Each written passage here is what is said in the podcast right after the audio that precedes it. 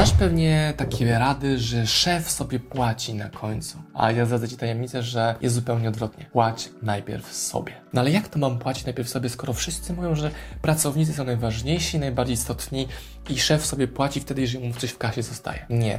Jeżeli sobie szef płaci na końcu, to szef będzie głodny. Nie będzie miał pieniędzy na jedzenie, na benzynę, na opłacenie swoich rachunków za mieszkanie na przykład i wtedy cała firma upada. Jest to zasada taka sama jak w samolocie. Najpierw zakładasz maskę tlenową sobie, a dopiero później swojemu dziecku. I każdy człowiek sukcesu, którego znam, każdy, on tą zasadę stosuje, praktykuje, ale mało kto o niej mówi publicznie, bo nie jest to popularne mówić takie egoistyczne rzeczy. Ale fakty, Excel, matematyka, twarde liczby pokazują, że jeśli szef płaci najpierw sobie, firma przetrwa, bo jest silna, mocna, bo szef może skupić się w 100% na dowodzeniu, to mówimy o pensji, a nie wyjmowaniu dywidendy z biznesu, który jest nierentowny. Dywidenda jest nagrodą dla szefa czy do właścicieli biznesu w momencie, gdy biznes osiąga ogromny sukces. Natomiast pensja, godna pensja jest mu absolutnie niezbędna do tego, żeby komfortowo prowadzić niekomfortową bitwę. Tajemnica numer dwa. Gdy oglądasz wywiady z ludźmi sukcesu w telewizji, w internecie albo czytasz ich wspomnienia, wszyscy mówią, w momencie, gdy osiągnąłem bogactwo,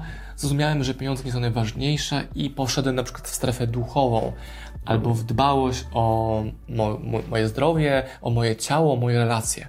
Ale zobaczcie, oni wszyscy mówią to w momencie, gdy już to bogactwo osiągnęli. I czy nie jest to trochę zakrzywienie rzeczywistości? Gdy zdobyłem pieniądze, zrozumiałem, że to nie jest najważniejsze. Ale ci sami ludzie swojego majątku nie oddają potrzebującym na cele charytatywne, tylko mają ten majątek i właśnie wtedy zajmują się swoim życiem prywatnym, relacjami, zdrowiem i tak dalej, i tak dalej. Zatem uważaj, uważaj, uważaj, jak słuchasz tego typu wypowiedzi. Moje środowisko, moje otoczenie mówi, że jest to jedna wielka, ogromna ściema. Pieniądze są bardzo istotne na każdym etapie życia, bo te osoby, które mają ogromne pieniądze, jak sobie spojrzysz na fakty, a nie na ich opinie, zapierdzielały bardzo ciężko, płacąc ogromną cenę za to. I ci sami ludzie mówią, że ważniejsze są relacje, ważniejsze jest zdrowie. Zdrowie, relacje są równie ważne jak pieniądze, ale nie możemy umniejszać roli pieniędzy.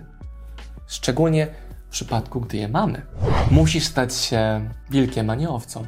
Musisz z owcy zamienić się w wilka. Wygrywają najmocniejsi, najsilniejsi, najbardziej sprytni, najbardziej wytrwali, najbardziej drapieżni. I nie chodzi mi o szarpywanie konkurencji, ale może właśnie o to, aby mieć ostre zęby, żeby tę konkurencję odstraszać. Moment, w którym zamieniłem się z ofiary drapieżnika był najbardziej przełomowym momentem mojego życia. To ja decyduję, gdzie chcę dojść, to ja decyduję, co muszę zrobić, to ja określam cenę, jaką jestem gotowy to zapłacić, aby mieć to, co chcę mieć. Owce idą w grupie, meczą, beczą. Teraz pytanie, czy jesteś owcą, czy jesteś wilkiem? Czy jesteś przebiegły, często bezwzględny, zuchwały po to, żeby swoje cele osiągnąć, czy starasz się każdego zaspokoić, być mu miłym, uprzejmym. Każda osoba sukcesu ma na swoim koncie sytuację, w którym musiała być bezwzględnym wilkiem, a nie uległą owcą.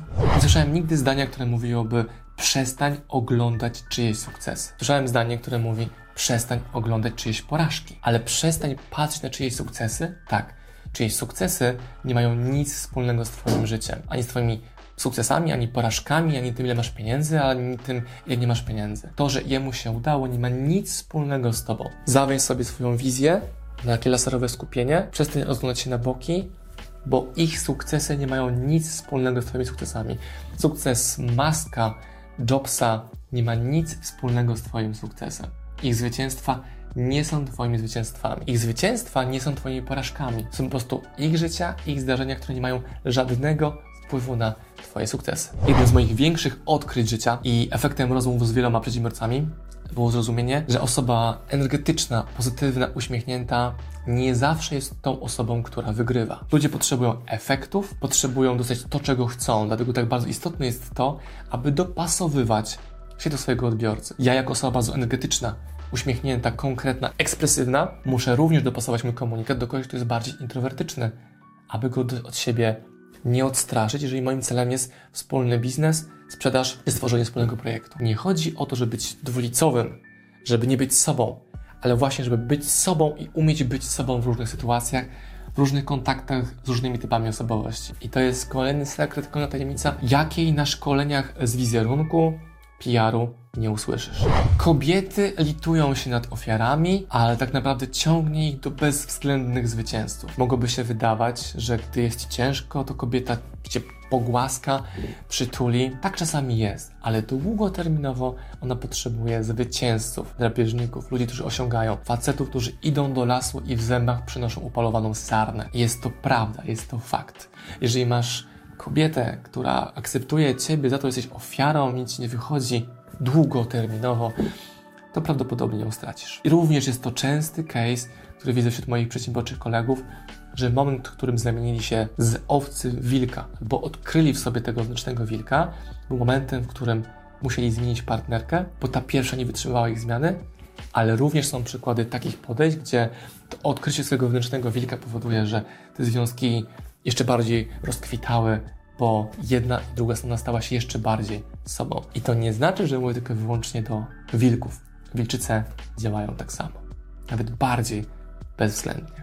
I na koniec sekret, który obala prawdopodobnie Twoje wieloletnie postrzeganie świata w dany sposób. Strategia win-win-win jest strategią dobrą, ale uwaga, nie zawsze skuteczną. Będą w życiu sytuacje, gdy będziesz musiał zaakceptować sytuację tylko Twojego win, gdy druga strona przegrała, albo sytuację win-win, gdzie wygrały dwie strony, ale nie trzecia strona. I jeżeli mówisz, że nie godzisz się na to, tak nie będzie, tylko liczy się win-win-win, to jesteś naiwną owcą, jesteś dzieckiem, które nie dojrzało, jesteś dorosłym z mentalnością dziecka, który wierzy w naiwne mechanizmy. I zaakceptowanie tej zasady właśnie nie zawsze jest ogromnie uwalniające, bo będzie Ci znacznie łatwiej iść przeżyć, gdy czasami w Twoim życiu będą sytuacje, gdzie musisz zaakceptować to, że wszyscy wokół Ciebie przegrali, a Ty wygrałeś. W drugim podejściu celujesz w sytuację win-win. W trzecim win-win-win, gdzie wszyscy wygrywają, ale dorośli ludzie wiedzą, to są naprawdę dorośli ludzie, a nie tylko ludzie z metryczką osoby dorosłej wiedzą,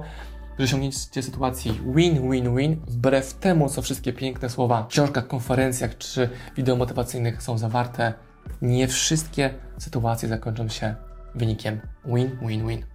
Ta gaś tajemnic jest jednym takim czubkiem góry lodowej, a ja zachęcam Cię do odkrywania prawdy, czyli patrzenia na to, jakie życie jest naprawdę, naprawdę, naprawdę, a nie takie, jak Ci się wydaje, że ono jest. Jeżeli potrzebujesz strategii na to, aby jeszcze bardziej więcej osiągać, książka Jak zostać drapieżnikiem, Rafał Mazur i Marcin Osman oraz książka Felix Denis Jak zdobyć bogactwo pomogą Ci wejść na kolejny wyższy poziom wtajemniczenia zasad, których nie znajdziesz w szerokim internecie.